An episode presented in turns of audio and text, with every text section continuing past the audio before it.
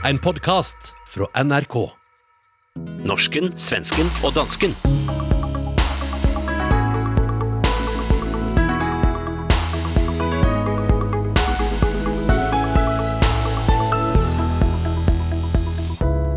I Sverige har en litteraturanmelder slakta en personlig krefthistorie. I Norge er en byråd blitt æreskjelt og drabstruer på nett. I Danmark er en dansk familie bedt om at rejse tilbage dit de kom fra. Hvad får frem det værste i norsken, svensken og dansken?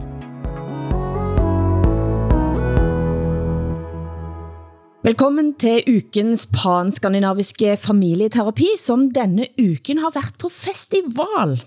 Litteraturfestivalen på Lillehammer lot sig ikke stoppe av corona. Desværre dere to, Åsa Hassan, kun med dere på skærm. Og hvordan var det? Ja, jag längtade till Norge mer än på väldigt länge faktiskt. Det är ju fantastiskt att få vara Lillehammer på litteraturfestival. Det är bland det bästa jag vet. Så det, var, det var ledsamt att sitta hemma. Ja, altså... Ja, Publikum ja. satt i salen, og var, jeg var rørt. Mm. Altså, det var folk til stede, rett og slett. Mm ja. Jamen, vi var jo... Øh, vi lavede jo norsken, svensken og dansken live foran et publikum den ene øh, aften. Det var... øh, Ja, det, det var sjovt, altså, men, ja, og jeg har aldrig været i Lillehammer til litteraturfest før, men jeg glæder mig til at opleve det. Og så, og så var jeg jo næste morgen, der var jeg i en, øhm, i en debat om feminismens blindzoner. Ikke? Og det, det er jo sådan en debat, som kun kan gå galt. Ja, gjorde det det då? Og, ja, og det gjorde den. Ved I, hvad der skete? Nej. Nej. Lige da jeg var i gang med min opening statement, så skete der en kæmpe stor strømafbrydelse i hele Københavns område. Det er Så- blindzonen sin det. Så min, øh, hvad hedder det, min øh, router, den gik ned. Mm-hmm. Så jeg forsvandt fra skærmen øh, i Lillehammer. Og så prøvede jeg at logge på igen via min mobil til. Jeg havde ikke noget strøm i mit hjem. Ja. Altså, det siger jo noget om den der feminisme. Jeg tror det kanskje var Mette Fredriksen, Mette Frederiksen, som må have stått bak. er det hende? Hun havde sett dig på programmet, tænkte, her må vi gribe ind. Ja, altså øh, normalt så tager det lidt længere tid med Mette Frederiksen, fordi hun først skal have det godkendt af, i sit sekretariat af sine spindoktorer og så videre. Ikke? Øh, så hun handler normalt ikke så snabt. Men altså, jeg kan altså formidle til dere lyttere, eh, det findes et liv her ute post-corona. Det er håbløst, og vi giver oss ikke, som det står på den fine gule skriveboken, som vi har fået her på litteraturfestivalen, signert poeten Jan Erik Vold, fra den ikoniske diktsamlingen Mor Godhjerters glade version Ja. Men mor Godhjerter Åsa, du er blitt opgraderet fra mor til mormor siden sist. Gratulerer. Jo! ja, tack. Det känns jättegammalt att säga att jag är mormor. Så jag, jag säger att jag har fått ett barnbarn. Det, det är något annat än att... Er det fint? Förlåt? Er det fint? Ja, det är fint. Det är roligt. Det är en, en eh, flicka som är rund som en stekpanna. Og, og flad, ja, hon är så fin. Så. Hvad, hvad skal hun hedde? Har hun et Ja, navn? alltså det är ju så att det är ju inte jag som får bestämma det här namnet. Och flickan ska heta Lisen. Ja, til, da, til danske lyttere skal man måske forklare, at det er, det er navnet Lise, men i bestemt form. Ja, det er den lisen. Mm, just det. Men altså, fødselstallet i Norge, de skyter i vejr i år. 700 flere fødsler i Norge første kvartal 2021. Kanskje vi endelig har lært av Danmark, som i årevis har haft kampagner som knall for Danmark. Ja. Vi har sovet i timen, sa gynekolog om den norske tilnærmingen, og det bliver det som kendt ingen barn av. Eh, Det er umuligt nå post-corona at vi kanskje burde ha et knallelockdown hvert år. I Sverige sjunker födelsetalen under corona. Jag trodde att det skulle vara tvärtom faktiskt. Ah, okay.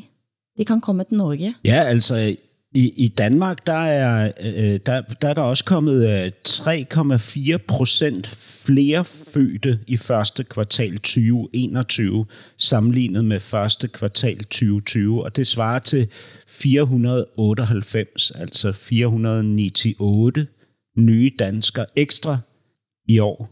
700 flere fødsler her, faktisk. I Danmark, der opgør vi jo noget, som jeg er helt sikker på ikke bliver opgjort i Norge og Sverige. Vi opgør, der bliver lavet en graf, der, er man ligesom, der kan man se uh, antallet af fødte danskere med uh, indvandrerbaggrund, og antallet af fødte nye, nye danskere med ikke-vestlig baggrund. Og hvordan ser det ud? Jamen altså faktisk så er øh, andelen af nye, altså øh, fødte danskere med ikke-vestlig baggrund faldet øh, for første gang i mange år. Øhm, og det kan, jeg kan simpelthen ikke øh, helt øh, øh, pinpointe, hvorfor det er sket. Altså det er øh, altså levende fødte per kvinde, født af indvandrerkvinder fra ikke-vestlige lande, nu stort set er det samme som øh, levende fødte øh, børn, øh, født af kvinder med dansk oprindelse. Altså det, det er et ret stort fald øh, i, i forhold til, til det her. Men det är samma tendens i hela Europa, att eh, mm, man får samma beteendemønster som den inhemska befolkningen. Ja, det er fordi vi i Danmark har, har vi jo talt om, og, og der har også været meget frygt for den der befolkningsudskiftning, man mm. taler om. Ikke? Fordi der bliver født få altså øh, øh, børn med dansk oprindelse, og relativt mange flere børn af øh, kvinder øh, med oprindelse i ikke-vestlige mm. lande. Ikke? I Norge er det en stor diskussion om det vi kalder kontantstøtten. Jeg vet ikke om det er noget, dere har i Sverige og Danmark, men kontantstøtte er faktisk penger, du får for at være hjemme eh, et stykke tid efter at du har fått barnet eh, ditt. Det har vi i Sverige også. Mm. Mm. Ja, og det er, er kanskje et av de minst integreringsvenlige tiltakene som findes. Og det har det været en stor politisk diskussion om. Højresiden vil gerne ha kontantstøtten, og mener at det giver en frihet for dig for at velge om du vil være hjemme, eller om du vil gå på jobb. Men Shazia Majid, som er kommentator i Verdensgang, skrev en kommentar i denne uken, at dette er kanskje eh, det, det største, eh, eh, den største hindringen for at få en integreret befolkning. I Sverige diskuterar man nu, ehm, jag tror det var regeringen som lade fram ett förslag om att det ska bli obligatorisk eh, förskola från det att man är tre år, tror jag. Hoppas att jag säger rätt här nu. Och det är också en integrationstanke med det, att barn ska gå på förskola och lära sig eh, eh språket och en massa saker som kan vara handikappande om man inte har lärt sig det till man börjar skolan. Och det är också ett sätt att få ut kvinnor på arbetsmarknaden naturligtvis. Nettopp, og det er det Shazia sitt, sin, eh, sitt poeng er også. Eh, at man får ikke kvinder ut på arbetsmarkedet med at give dem penger for at være hjemme. Mm. Mm. Men Åsa, vi har fått en kraftig lytterreaktion på at du koketterte med at du ikke vidste hvad en influencer er. Den bedste forklaringen jeg kom på i farten var som Åsa Linderborg uden avis. Just det, ingenting altså. Men for at ta folkbildningen et tak videre, så har vi bedt to av Norges største influensere, Vegard Harm og Morten Hegseth, om at forklare dig. Men Vegard, vi må forklare Åsa Linderborg, eh, svenske kulturkvinnan, hva en influencer er. Du er, du er jo en av Norges største. Hva er en influencer? Vet fan inte Åsa Linderborg har det! Er typisk kulturkvinne, ikke sant? Sitter, sitter og vet liksom hva Dostojevskij spiste til middag, men hva en influencer er, det Ja. vet hun ikke. An influencer, oh, well, if I'm Norsk. to take it short Ta på svensk. Nej, men jag vet inte fan vad influencer, ska jag förklara vad Så influencer en influencer er jo en påvirker. Før så hadde du liksom kjendiser i ulike kategorier. Du ble kjendis for at du skrev bøker, for at du var en god journalist, eller for at du var en programleder, eller for at du liksom gjorde noe annet. Men nå så på en måte er, siden eh, kjendisverden har blitt mer demokratisert, altså man kan bli det på egne premisser, i form av at man nå ikke trenger en 50 år gammel mann i TV-bransjen som sier ja, Åsa Lindeborg, hun skal få lede Talang. Eh, nå kan du lede på en måte Talang på dine egne flater, og du kan skape en fangruppe fordi at ja, de følger deg på Instagram. Så det er rett og slett Jeg vil si at uh, influencer er et samlebegrep på de unge kjendisene, også de litt eldre, som har veldig stor påvirkningskraft. på And the people who Folk. fucking created themselves. Ja, rett og slett. I didn't ne- need a media house. I didn't need a big boss. En annen ting med influensere er at de har et så stort ego at det er i ferd med å eksplodere. Gav, det- gav det mening? Ja, inte särskilt mycket. Det var väl ungefär det jag befarade, trodde att, eh, att det skulle vara. Jag tycker influencerkulturen är det sjukaste vi har i, i vår tid. Den är otroligt tidstypisk. Alltså, vem kan lita på en influencer? De kan ju sälja sig själva för att sälja en vara. Det, kan man lita på en influencer? Överhuvudtaget? Jeg, jeg synes, det er sjovt, at de bruger så mange... Øh, altså, de, de er nordmænd, ikke? Og de bruger så mange engelske ord. Altså. Ja. for eksempel ordet influencer. Jeg vil tro, at det på norsk skulle hedde et uh, påvirkningsmenneske. Ja. Øh, men, men de bruger... Og så siger når de siger dit navn, Åsa, så siger de Åsa Linderberg. Jag hörde det. Og også sådan lidt engelsk. Ja, ja visst. Jeg mener eh, alvorlig her også, at det er faktisk ikke lov at klage på, at du føler dig gammel, hvis du ikke engang prøver at følge med på de store nye mediesamfundstrendene som dette, som blandt andet skaber denne nye klassen med kändiser. Alltså, vi skriver om den där, i Aftonbladet så skriver vi om influencers hela, hela tiden. Och, men, det- men det finns ju, eller jag vet inte, det som förut kanske skulle kallas för en politisk aktivist, Greta Thunberg är väl en slags influencer kan man väl också säga, eller? Ja, ja. Jo da. Fast hon säljer ju inte grejer, hon säljer ju faktiskt ett budskap som hon tror på, eller säljer och säljer. Ja, Jag vet inte, jag tycker, jag tycker företeelsen är extremt märklig. Men det jeg kan si, altså Harma, Har, Harma Hegseth har jo en podd eh, på VG. Ingen har gjort så mye for diskussion om homoterapi som Harma Hegseth, for eksempel. Hvad er homoterapi? I det har du haft en diskussion om i Norge, rett og slett at du eh, sender homofile til terapeuter for at gøre dig frisk og hetero. Mm. Dette var en eh, Harma Hegseths eh, kamp mot homoterapien, som faktisk nådde helt til tops. Du hører norsken, svensken og dansken i SR, DR og NRK.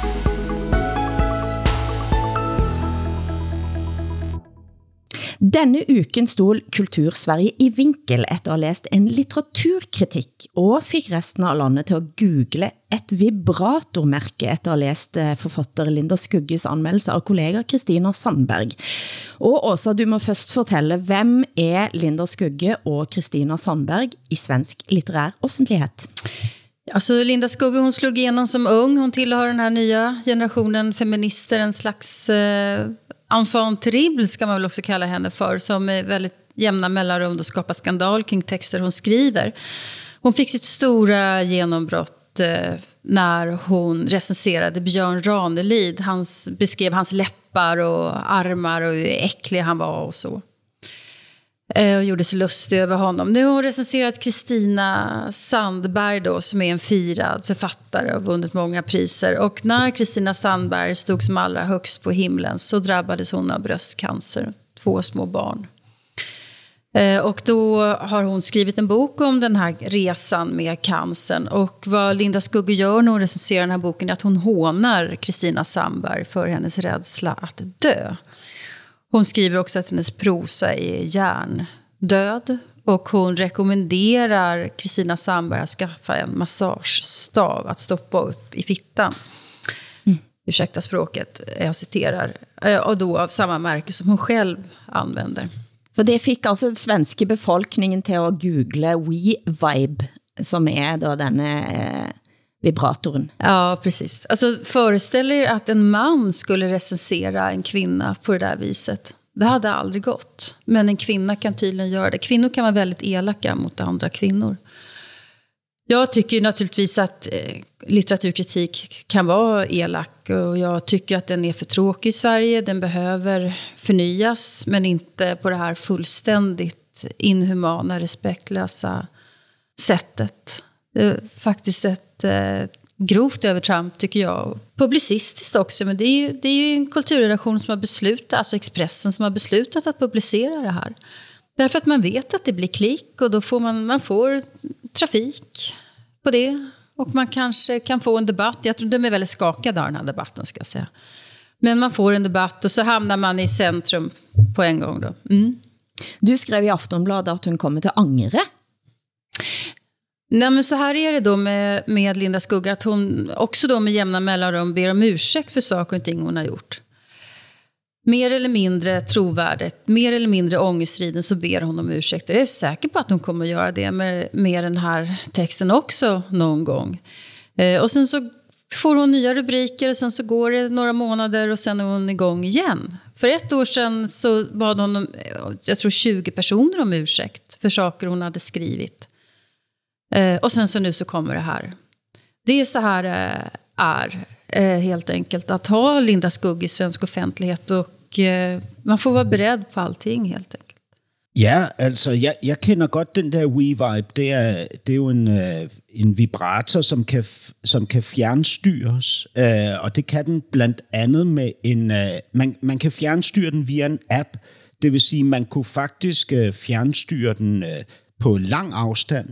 Jeg ved ikke, om I ved det, øh, Åsa og Hilde, men jeg har engang haft øh, sådan en fjernstyret øh, vibrator øh, oppe i min numse, Al- altså i, inde i mig. Mm, vi, har, vi förstår vad du säger. Ja. Mens vi tog op program. Nej, det var i en... Øh, jeg var skuespiller. Det var den sidste forestilling, jeg spillede i som skuespiller.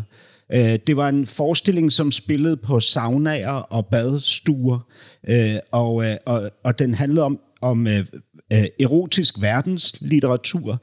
Mm. Og under udviklingen af den her forestilling, så havde vi den ene tekst efter den anden, som var sådan erotisk og blød, og der var noget med noget røgelse, sådan dejlig duft, og, og noget pling-plong musik og sådan noget. Og pludselig fik jeg det sådan, det, det, det går ikke det her. Sådan her er, øh, er sex og erotik ikke kun. Den indeholder også en form for øh, brutalitet.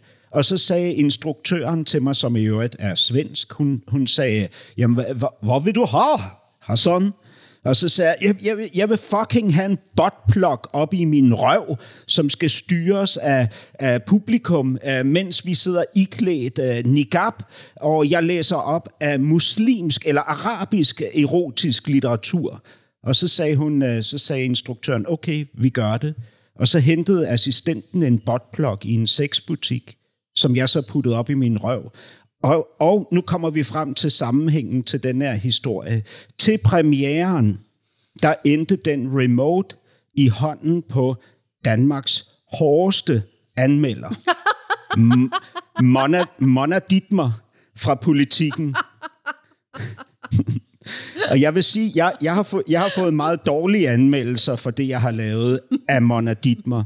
Men denne her gang, der fik jeg en, øh, en rigtig fin anmeldelse for min præstation. Jeg føler at du bruger denne historien nå bare for at snakke dig væk ifra, hvordan du havde oplevet og fået en sådan kritik, som Christina Sandberg fik. Nå, men jeg, øh, jeg har fået altså, hårde anmeldelser. Det er frygteligt. Jeg hader det. Jeg har også givet hårde anmeldelser. Øh, Jeg tyk- og det, ja, undskyld. Det føles bare meget magtfuldt øh, på en ubehagelig måde øh, efterfølgende. Så jeg forstår fuldt ud, hvad Åsa siger, øh, når hun siger, at denne anmelder kommer til at fortryde sine ord. Ikke? Jeg har fortrudt rigtig mange af mine ord, når jeg har været mest hævngær- hævngærig eller aggressiv i mine anmeldelser. Øh, det, det er ikke rart. Men, men det er jo også noget med den, øh, den historien. Jeg vet, der har kommet ut en bok i Danmark også, med en som har skrevet om sin øh, kræftsygdom. Uh, og det er noget med hele den uh, ja, genren også. Har Linda Skugge et poäng? Naturligtvis har Linda Skugge en poäng när hon säger att det blir inte litteratur bara för att man skriver om cancer. Eh, och det är klart att även sjukdomslitteratur måste underkasta sig en kvalitetsdiskussion. Absolut. Eh, men det är inte riktigt det hon gör. Hon är fullständigt respektlös mot eh, Kristina Sandberg som människa och den sjukdomen som hon förhoppningsvis eh, aldrig mer kommer att få tillbaka. Att jag, jag tycker att det är omänskligt att håna någon som har drabbats av cancer. Det är faktiskt det är något annat än att diskutera boken i sig själv, tycker jag. Forrige helg publicerede Harald Klungtveit, redaktør i Filter Nyheter i Norge, en række screenshots med alvorlig hets av Oslos miljøbyråd Lan Marie Berg. Under fullt navn skriver voksne folk, at hun må dø. Det er regelrette drabstrusler, kvindehat, rasisme, at kjerringfaenskap må dø, klyse, riskokeren må ut, og så videre, og så videre. Vi kan høre Klungtveit her på Dagsnytt 18. Altså, av og til så er vi nødt til å dykke ned i denne aggresjonen og få vist fram eh, konkrete eksempler, og at det er retta mot enkeltpersoner, altså enkeltpolitikere. For vi, vi snakker ganske mye om eh, hets, politikerforakt, en del sånn begreper som blir ganske vage for folk flest. Men, eh, men her får man kanskje et lite glimt av hvor eh, ondskapsfullt eh, det kan være. Og, og dette var jo bare et øyeblikksbilde. Det var eh, hovedsakelig fra ett døgn på én Facebook-gruppe. Så kan man jo forestille seg hvordan totaliteten for Berget er i løpet av en måned eller et år. Og hun sier jo sjøl at dette har pågått i, i flere år. Dette er altså etter ett døgn. Jeg klarer nesten ikke å ta det inn over mig. Dere har sett disse meldingene også. Hvad tänkte du også? Jag var den första i Sverige som 2012 eh, skrev om det här i Sverige. Om den här dödshoten som, som jag då hade fått i flera år, som jag fortfarande får. Och jag skrev om det i en stor artikel. Jag var den första journalisten som skrev om det. Och det blev en stor sak av det. Jag minns också att chefer på Aftonbladet först sa att jag inte skulle skriva för man ska inte göra sig till martyr. Och det här triggar bara eh, trollen att fortsätta och sådär. Men eh, vad jag minns då är att då ringde det journalister från hela Europa till mig och frågade, stämmer det här verkligen? Eh, man ringde från Danmark, Frankrike, Finland, Italien, Tyskland. Jag minns särskilt ett samtal med en norsk journalist. Och den mannen då sa till mig, sånt här har vi inte i Norge. Eh, och nu så har ni det i Norge. Jag tror att ni har haft det mycket längre. Det är bara det att det är först nu som ni pratar om det. I Sverige pratar vi inte om det här särskilt mycket mm. längre, utan det är vardag på något sätt. Att det är så här det är att vara en offentlig person, en politiker eller en journalist. Eh, ja, det är fruktansvärt. Eh, och att det, att det är så här helt enkelt. Men altså, det er altså voksne folk, og mange i vår alder, som sitter og er både bedsteforældre eller forældre eller hvad som helst, og så eh, driven med denne type lynchestemning. Altså, det gør at jeg blir alvorligt bekymret for demokratiet. Mm. Hvilke tendenser er det i oss som gør at vi får det? Ja, jag är bekymrad för människan. Att, att, att, att människan är kapabel till att vara så elak och aggressiv och primitiv. Eh, det ser vi ju först nu med masskommunikationen att ja, när man kan eh, uttrycka sig utan några som helst filter så kan det bli så här. Jag tror ju alltid alla människor om gott. Och så blir jag påminnet om att det är inte så. I Danmark er der, er der blevet lavet undersøgelser. Man har for eksempel spurgt uh, folketingskandidaterne her, om de er udsat for chikane. Og det er jo, uh, altså, det er jo en kæmpe stor andel af dem, som er det. Øh, og det viser sig faktisk, at jo yngre de er, jo mere er de udsat for digital chikane. Mm. Øh, og, og det er lige meget, øh, det går lige meget ud over mænd som kvinder, mm. men når det er kvinder, så handler det om deres køn og deres krop i, øh, i, øh, i en stor del af tilfældene, hvor der er chikane, hvor det med mændene handler om deres holdninger. Ikke? Øh, der er også, øh, hvad kan man sige, angreb på maskuliniteten, men den går på sådan noget med, du er ikke en rigtig mand, eller du er en vatpik, eller sådan mm. nogle ting. Ikke? Mm. Jamen, altså, hvad, hvad, hvad skal jeg sige? Jeg synes, altså, når, når man sådan tænker over, øh, altså, man, man gør sig jo en forestilling om, at de mennesker, der der udfører det her, de må være ekstremt marginaliseret, altså næsten vanvittige, men som Åsa siger, så er det jo folk med, med børn og bil og hus og hund og, og et job, ikke? Altså... Det är det. Jag har fått dödshot eh, från människor som säkerhetsavdelningen på Aftonbladet sen har kollat upp vilka det är. Det är väl fungerande samhällsmedborgare på alla sätt. Mm. Jag har fått en förfärliga brev från människor som mejlar från sina arbetsplatser med företagets mejladress. Eh, så att det finns alla sorter i det här faktiskt. Men ja. eh, vad jag funderar, det är en, vi pratar nu, det här diskussionen som vi har nu, den startar ju med anledning av en politiker Eh, som också då eh, har, vad jag förstår, asiatisk eh, bakgrund, eller? Mm. Fra Vietnam. Ja, ja det, det, det är förfärligt. Samtidigt, aggressioner mot politiker, journalister och offentliga personer har ju alltid funnits. Det är bara att nu finns en möjlighet att verbalisera det. Människor med makt har ju liksom alltid fått vrede mot sig. Och nu, nu når man fram med den här vreden på, på ett lättare sätt. Vi har funderat över det, alla unga människor som är på sociala medier, barn. Som också får eh, eh, spott och spe och får höra hur fula och löjliga och dumma och töntiga de är. Vad gör det med den här uppväxande generationen barn, undrar jag? Det är extremt hårt. Alltså den mobbning som tidigare var tydlig på skolgårdar är ju nu digital istället. Och där kan lärare inte hålla uppsikt och sådär. Det är ju läskigt. Jeg vet, vet lærere bruger jo dette som et eksempel for at lære barn eh, å, å håndtere sociale medier. Jeg, hå- mitt håb er jo at de blir mye bedre end vår generation, som er ganske umodne, og som faktisk ikke håndterer disse nye kanalerne. Eh, eh, og at de yngre faktisk har, har en fortrin der. Men Lan Marie Berg fortæller selv, at hun er blevet stoppet av unge mænd på gata, mens hun er ute med sitt eget barn. Der de roper til henne, at de hater henne. Nej. Ja, men, men det har jeg også oplevet. Jeg har også oplevet den type henvendelser på gaden fra mennesker, der var uenige i, i et statement, jeg, jeg gav i et program, for eksempel, ikke? som så henvender sig til mig foran mine børn. Altså, og det er almindelige mennesker. Det er jo ikke, altså, det er jo ikke øh, et eller andet marginaliseret individ. Det er et helt almindeligt menneske. menneske. Et menneske, som måske har en høj uddannelse og en god position, som kommer hen til mig og kalder mig ting foran mit barn. Ikke? Altså, øh, er det vildt nok? Mm. Det vakte opsigt at olje- og energiminister for Høyre, kanskje den person som Lan Marie Berg politisk er mest uenig med, rykker ud til Bergs forsvar på Facebook. Skrev eh, ikke særlig parlamentarisk, jeg orker ikke mer, jeg orker ikke mer, nå er det fan mig nok, hold kæft, skrev statsråden.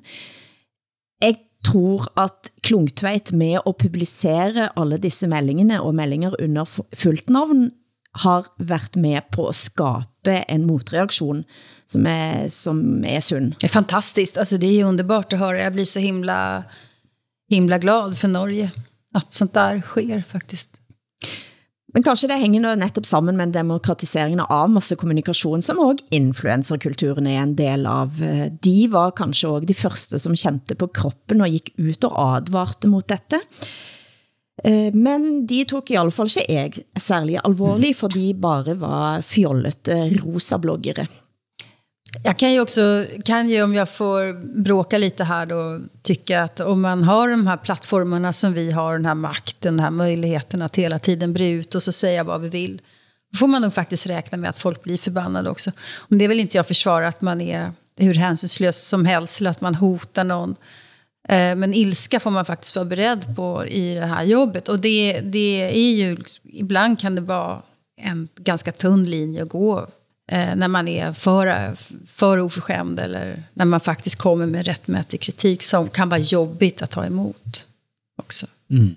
Men, men det er jo rigtigt, hvad I siger. Altså, eh, prøv at høre, vi, der er jo ingen af os, som er blevet undervist i at øh, opføre sig ordentligt på sociale medier. Jeg har ikke fået nogen øh, som helst øh, øh, lærdom ind øh, via øh, en eller anden form for undervisning om, hvordan man gør det her. Altså, det er jo, det er jo helt nyt for mig. Ikke? Og jeg kan jo heller ikke helt finde ud af, for eksempel min eksistens på de sociale medier. Er det en privat eller en offentlig eksistens? Jeg kan ikke finde ud af det. Mine følelser forbinder sig til min platform, som om det var privat. Ikke? Men når jeg ser på det objektivt, så ligner det jo noget professionelt. Ikke? Og der, der kan jeg godt forstå, at tingene må forvirre folk indimellem. Ikke? Og at de derfor tænker, at de kan skrive til mig, at jeg har Danmarks frygteligste stemme, og jeg burde få flået mine stemmebånd ud, mm. øhm, så jeg aldrig kunne lave radio igen. Vi hade en, en dom förra veckan här i Sverige. Eh, Min, min kollega på Aftonbladet, Anders Lindberg, som är politisk chefredaktör på Aftonbladet, Han var hotad av en man och den mannen fälldes. Så vi får fler och fler sådana fällningar i Sverige. Men för några år sedan när jag började skriva om det här så, så tog polisen inte riktigt på, på allvar. De fattade inte att nätet är en brottsplats. Eh, men nu har polisen tilldelats mycket mer resurser än tidigare och sådär. Så att man tar det på allvar på sätt som man inte har gjort förut. Politiet har nu begynt at efterforske hetsen mot Lan Marie Berg, men den har pågått i seks år, så det var kanskje på tide at gripe ind. Du hører norsken, svensken og dansken. Programmet blir sendt i Danmarks Radio, Sveriges Radio og Norsk Rikskringkasting.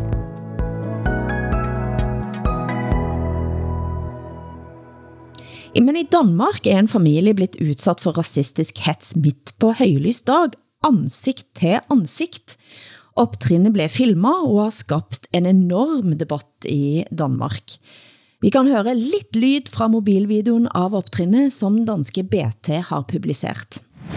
Jeg skal ikke tige stille. Jo. I skal bare holde jeres fucking kæft. Du skal holde din fucking kæft. I er gæster her. Nej. Hvad siger du? Nej. Det her, Hallo. det er med ikke dit land. Det er mit land. Det kan jeg love dig Det for, det ikke er er. mit land, kan jeg godt er det fortælle dig, mand. Fuck you, Det mand. skal du ikke sige til mig. Det her, det er ikke jeres land. Prøv at kigge på jeres Hallo, prøv at se de små børn, hvordan de er forskrækket. Prøv at se her. Ja, I er gule, mand. I hører ikke til her. Hvorfor skruer man ikke af til jeres eget land, mand? Hvordan har reaktionerne på videoen været, eh, Hassan?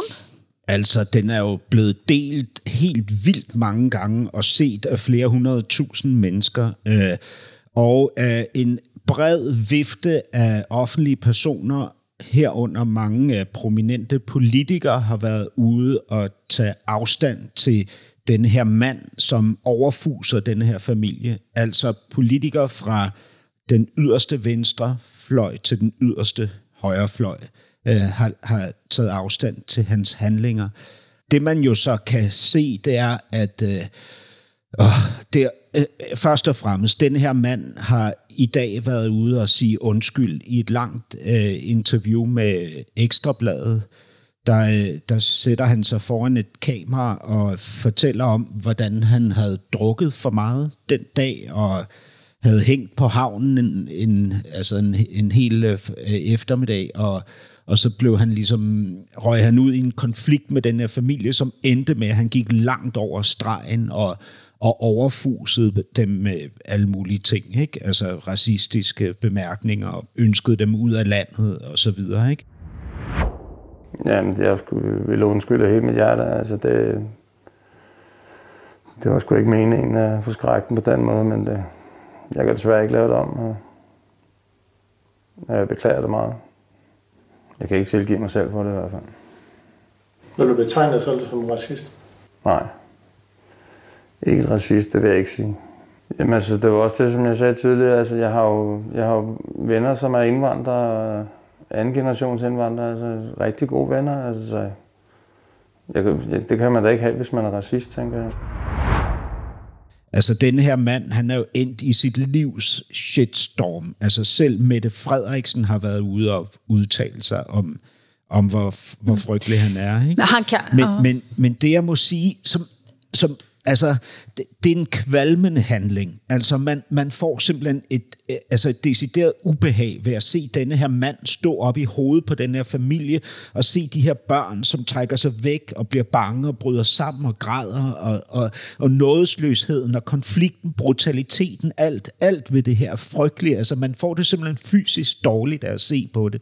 Men på samme måde, så får jeg det fysisk dårligt over at se, hvordan øh, især politikere nu går ud og bruger det her til at positionere sig på den gode side af hegnet, den rigtige side af hegnet. Ikke? Nu bruger for, uh, politikerne til højre og venstre denne her begivenhed til at promovere deres egne dagsordner. Ikke? Og jeg synes simpelthen, altså jeg, jeg bliver nødt til at sige, at jeg synes, det er decideret ulækkert. Altså, jeg kan simpelthen ikke holde det ud, og min tillid til politikerne, den ligger på et, et virkelig reduceret sted i dag, når jeg ser dem gøre det her. Ikke? Altså, jeg, jeg orker næsten ikke at komme med eksempler, fordi så bliver det fløj eller partipolitisk. Men altså, nu vil øh, for eksempel det radikale venstre vil nu have en national handlingsplan for, hvordan vi kommer racismen til livs, den strukturelle, institutionelle racisme. Ikke? Og det, altså, Åh, man bliver så træt af, at, at, det, at, at almindelige mennesker ligesom skal anvendes til at pushe en dagsorden. Ikke? Det er frygteligt. Så den här mannen kan ju inte skylla på alkoholen, utan det här är åsikter som han faktiskt har. Och de kan han få ha, tycker jag. Han får tycka vad han vill, men han kan inte bete sig på det här sättet. Och det är det här som är då de, de pedagogiska problemen för till exempel i det här fallet antirasister. Alltså det måste nästan alltid till ett väldigt konkret exempel för att man ska visa så här fungerar det, så här ser rasismen ut. Eh, och sen så blir det då en, en stor sak och så hakar alla på för att alla vill visa jag är också antirasist. Jag tycker också att det här är förfärligt. Och så, och så, så blir det en stor snurr och så är det män, en människa från början som, som, som startar det här som man plötsligt då ska känna empati med. Det är medialogiken och det är, och det är ofta så här det fungerar. Men samtidigt så behöver vi ha de här, de här tydliga exemplen som faktiskt visar hur det kan vara att eh, bli utsatt för, för eh, en eh, medmänniskor som är rasister faktiskt på riktigt. Man- Det är svårt att säga så här, bara hälften av alla politiker får uttala sig. Det blir också jättesvårt. Men, men det der... El- ja, ja, så, altså, men alle skal... Eller bara för att du inte sagt någonting. Eh, ja, nej, jag tänkte alla andra sa någonting. Man kan ju bli anklagad för det också. Du höll tyst du. Ja, ja just det. Men det, man, det, jeg kan blive så frustreret over, det er, når der sker sådan en begivenhed som denne her, som ender med at få så meget opmærksomhed, så bruger alle, altså folk øh, krav, kommer kravlende ud af deres huller og bruger den her begivenhed til at bevise lige præcis deres pointe. Ikke? Så det her bliver, altså der, der er nogen, der siger nu, at det her, øh, at der går en lige linje fra Fremskridtspartiet over Dansk Folkeparti til denne her mand, der står på havnen og råber af den her indvandrerfamilie. Ikke? Altså politikerne har skabt denne her mand. Ikke? Det, det, er, altså den, det er den logik, som der bliver etableret i, i, i folks forsøg på at, øh, at, at tage de her, den her begivenhed som et, et, et bevis på deres egne uh, statements, og deres troværdighed. Ikke? Ja, og det er jo det, som er kanskje er problemet også med saken med Lan Marie Berg. For man kan gerne kritisere Miljøpartiet De Grønnes miljøpolitik. Men når denne diskussionen her i medierne blir dratt for langt, så blir pludselig all kritik og eh, hets. Og det er også et problem. Man kan diskutere gerne indvandringspolitikken i Danmark, og man kan kritisere den da harde danske linjen, eh, men uden at stå på Kastrup og skælde ut en barnefamilie. Ja, selvfølgelig kan man det. Det er jo ikke det. Altså, er, men er denne her mand et bevis på, at der findes strukturel racisme i Danmark? Det er jo det spørgsmål, der bliver, nu bliver stillet, og, og en del siger selvfølgelig nej, men der sidder også mennesker klar til at anvende den her begivenhed til at bevise deres pointe. Ikke? Altså dette er så ifølge dem beviset på, at der i Danmark er strukturel racisme. Altså, og, og Jamen altså, prøv at høre, det er jo sådan. Ikke? I et hvert land, altså, så er der jo en, en majoritet, som er ordentlige mennesker, og så findes der en minoritet, som er, som er vanvittig, ikke? som er tosset. Og den her mand, jeg, jeg ved ikke, hvordan han er til hverdag, om han er et, et, et sympatisk menneske, men i den her øh, specifikke begivenhed, der opfører han sig jo fuldstændig vanvittigt. Altså han opfører sig jo som, som de der 10 procent, som er utiltalende i enhver befolkning. For at give dig en svensk eh, liten kilde her, så husker jeg at Lars Tregård, en den svenske historikeren, han har sagt, at i en befolkning, så er der en konstant på rundt 10% som er rasistiske. Hvis en læser kommentarfelt, så kan en jo bli ængstelig og tænke, at der er langt flere av oss. Det, jeg, jeg synes ville være interessant, som vi måske kunne begynde at beskæftige os med, det er det, altså det er, at vi dropper fortællingen om de her strukturer, om en eller anden, øh, et eller andet, his, en eller anden historisk øh, fordømmelse, som, som gør, at vi inde i os bærer på noget, noget frygteligt. Ikke? Og så i stedet for øh, prøver at, at gå ned i det psykologiske fænomen, der hedder identifikationsracisme. Ikke? Fordi identifikationsracisme er et alment, verdensudbredt fænomen, som handler om, at vi i den her stammetrygheds psykologiske mekanisme inde i vores hjerner har meget nemt ved at forbinde os til dem, der ligner os selv, og meget svært ved at forbinde os til dem, der ikke ligner os selv, på empatiplanet. Ikke? Hvorfor, hvorfor taler vi ikke om det her? Altså, det, jeg fatter det ikke. Og det er derfor, jeg får den her frygtelige mistanke i forhold til politikerne. Ikke? Det er, at, hvad, hvad er det med de her? Altså, hvad, de, de ønsker jo at pushe en dagsorden frem for at løse et problem. Ikke? Men vad är problemet de ska lösa menar du? Jamen, det er jo Alltså at, det är at, rasismen, eller hur? Det är klart att rasism, vi behöver inte kalla den strukturell, men det är klart att det finns rasism överallt. ja, Man altså, måste, ju, hvad- man måste ju prata om konkreta exempel för att kunna prata om rasism. Måste man inte det?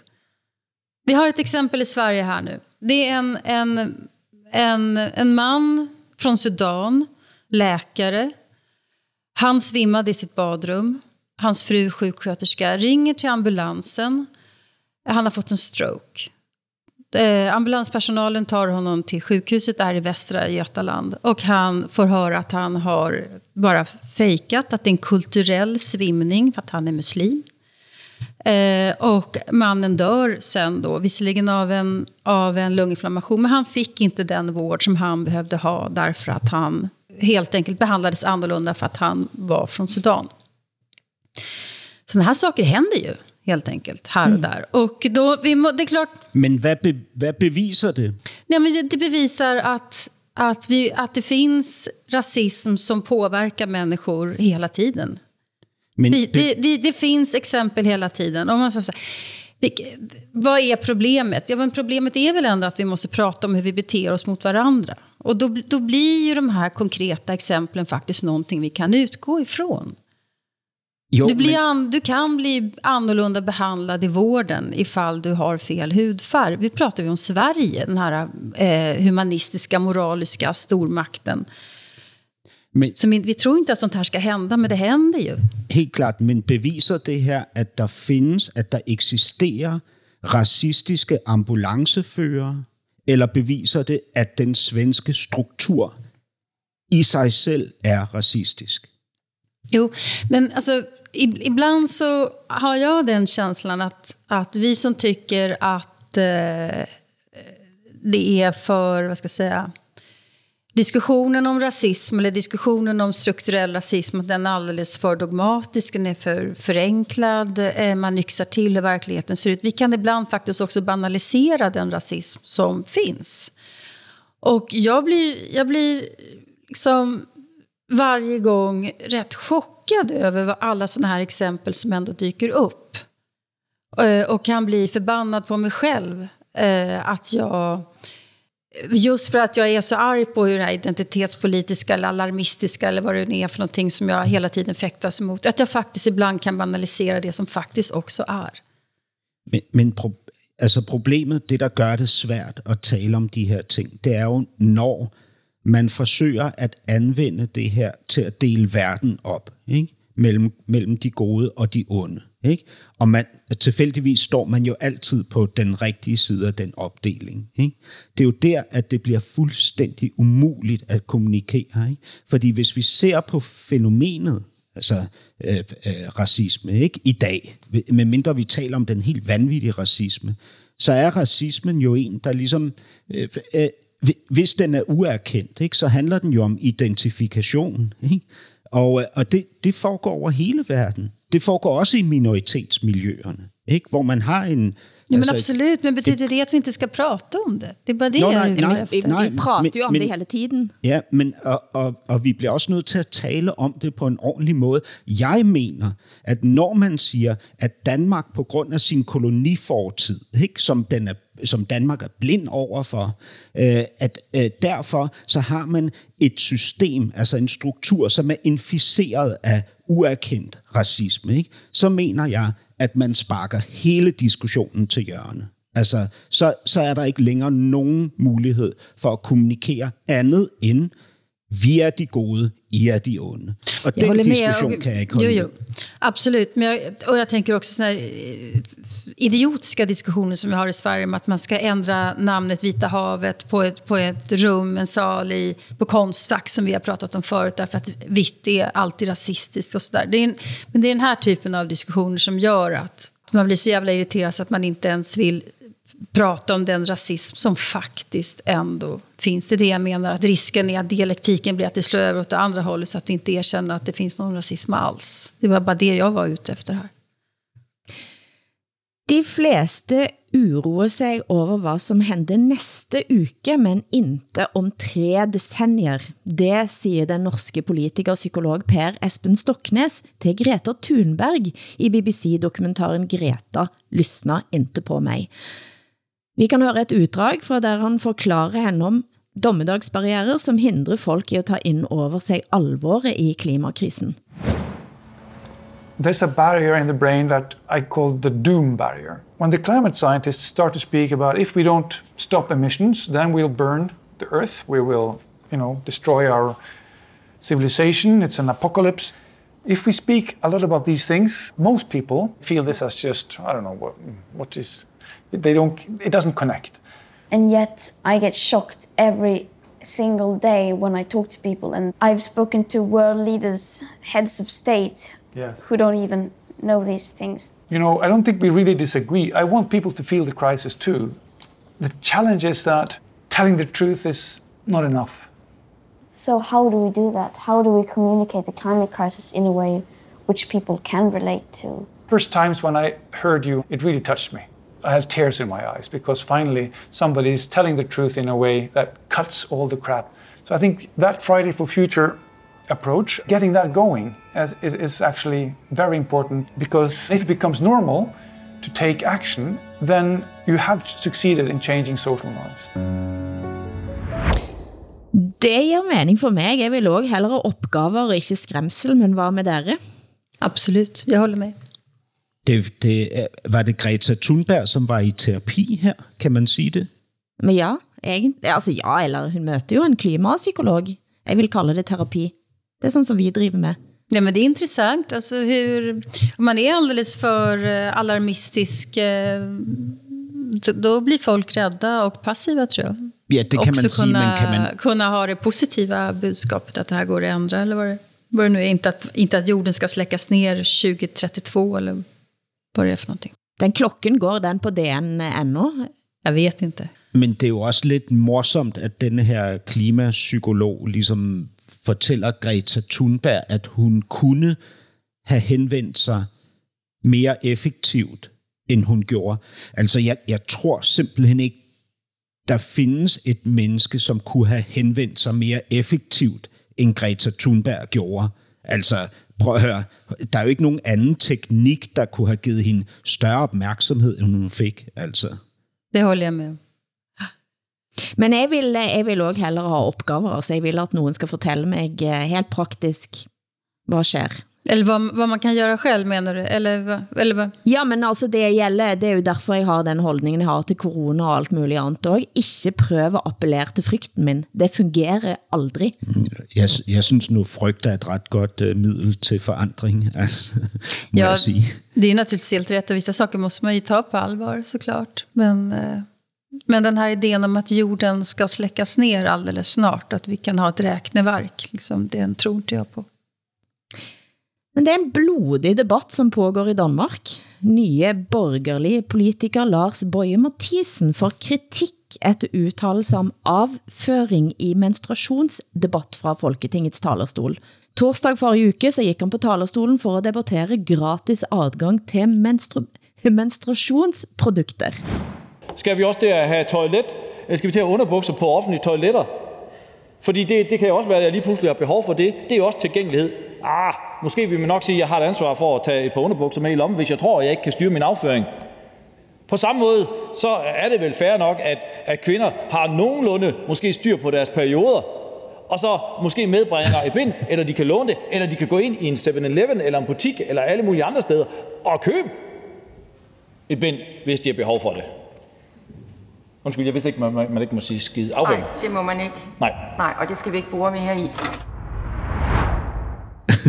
Ja, på slutten her hører vi på slutten her hører vi at han får påpakning fra ordstyrer i Folketinget for at bruge ikke-parlamentarisk språk ved at sige skide. Jo, men jeg måste fråga, vilket parti var den här mannen? Han er fra Nye Borgerlige. Den här, det här nya partiet som är lite högerinriktade. Ja, de er ikke så nye mere, men det er et højrefløjsparti. Ja. Ja. Varför? Jag tänker att man, ska, att man ska välja sina strider. Han tänkte inte på det. Det här var så viktigt för honom så att han var tvungen at gå upp och skämma ut sig på det här viset. Eller? Ja, men altså det, det, det jo handler om, det er, at, at der er et, et forslag fremme om, at der skal være øh, gratis, øh, som Hilde nævnte, menstruationsprodukter på offentlige toiletter. Mm. Og, og øh, altså, øh, Lars Bøge Mathisen har ofte øh, den tendens, at han, eller øh, det projekt, at han ligesom op imod en, øh, hvad han vil kalde en feministisk dagsorden, der prøver han at relativisere det ved at inddrage manden eller den almene befolkning i projektet. Og det er så det, han gør i den her situation ved at sige, jamen skal der så også være friske underbukser til øh, øh, borgere, som ikke kan holde på deres øh, afføring, som skider i bukserne, som han siger, og bliver i rettesat. Øh, ja, der, altså, han er jo røget ud i en shitstorm nu. Der er mange øh, øh, prominente øh, kvinder og mænd, der kommenterer på hans øh, kommentar. For eksempel Ane Kortsen siger, øh, jeg er virkelig, virkelig overrasket over, at en voksen mand tror, at kvinder kan holde deres menstruation inde og styre deres periode som han kan styre sin afføring. Tror han, at vi bare går og giver los i underbukserne som udslag af en form for dogenskab, spørger Ane Kortsen. Så, øh, det samme, det samme spurgte var det en fremskridtspartipolitiker i Norge, som mente, at kvinder bare kan holde inne blodet. At vi burde vel kunne ha lidt mere kontroll. Alltså har ni sådana här diskussioner på riktigt? Det här är inget joke, utan det här är sant. Alltså argumenterar man på det här viset i, i Danmark? Jamen altså, det gør han. Altså, det, prøv at høre, det er jo ikke sådan, at han ikke ved, at kvinder ikke kan holde på deres menstruation, går jeg ud fra. Altså, men hvad ved jeg om, hvad han ved? Altså, jeg vil aldrig sige sådan. Men det er jo ikke den eneste politikeren som har gått på en ærkedansk bommert. Denne uken fik en socialdemokrat, borgermesterkandidat Nils Dueholm, påpakning for at have sendt e-post med Se vores nye hjemmeside til Socialdemokratiets byrådsmedlemmer, og det førte til pornografisk materiale, og jeg så den saken, så tænkte jeg, åh, oh, det er så dansk. Ja, altså, jamen det er fordi... Ja, det er dansk, det holder jeg med om. det er fordi deres øh, hjemmeside er blevet hacket. Ikke? Øh, og, øh, og, og så forsøger han så, den her socialdemokrat, øh, at, at, at ligesom bygge oven på det her hacking, der er foregået, ved at sende et link rundt til folk, hvor han siger, og nu kan I komme ind på vores hjemmeside, som ikke er hacket, men det link, det fører så til et porno-site. Ikke? Øhm, altså, jeg, jeg, jeg vil ikke kalde det her øh, socialdemokratisk humor. Jeg vil kalde det politikerhumor. Altså, i, jeg ved ikke, hvordan det er i Norge og Sverige, men i Danmark er det sådan, at når politikere forsøger sig med humor, så er det bare aldrig sjovt. Altså, jeg, skulle, jeg skulle sige, det her er dansk humor, skulle jeg sige. Ja, det har ingenting med politikerhumor at gøre. Nej, nej det, her, det her er väldigt typisk Danmark for mig i alla fall. Ja. Al, altså nu, nu bevæger vi os ind på det, vi har diskuteret tidligere i dag, ikke? som var racisme. Danisme. Danismen. Det blir sidste ord i ukens norsken, svensken og dansken. Producent har været Henrik Hylland Ulving, tekniker Miriam Kirkholm, Tak til Hassan Preisler i København, Åsa Linderborg i Stockholm. Jeg heter Hilde Sandvik og er denne uken på Lillehammer. Men før vi går ut, Hassan, eh, menstruationsdebatten i Folketinget fik dig til at komme med et ønskelåt. Annika Åskjærs sang om menstruation. Hvordan fik Bøje Mathiesens brandfakkel dig til at tænke på akkurat denne sangen? Uh, For, for, fordi han taler om menstruation, og sangen handler om menstruation. Klippet er fra TV2 Zulu Comedy Galla i 2019. Og du bliver bange for hajer, når du nærmer dig en strand. Selvom der slet ikke er hajer i det danske farvand. Og ved ham, der siger til dig, at du skal slappe af. For det er faktisk lige så fucked, når du rammer dag nummer tre. For du skal bruge natbind om dagen. Din kroppen bliver fuld. Du skal bruge en tampon. Stå som en køkkenrulle. Og når du prutter om natten og sætter boblerne fri, kan du mærke, at der er en lille smule klumper i. Klumper i. Der er også en lille smule klumper i.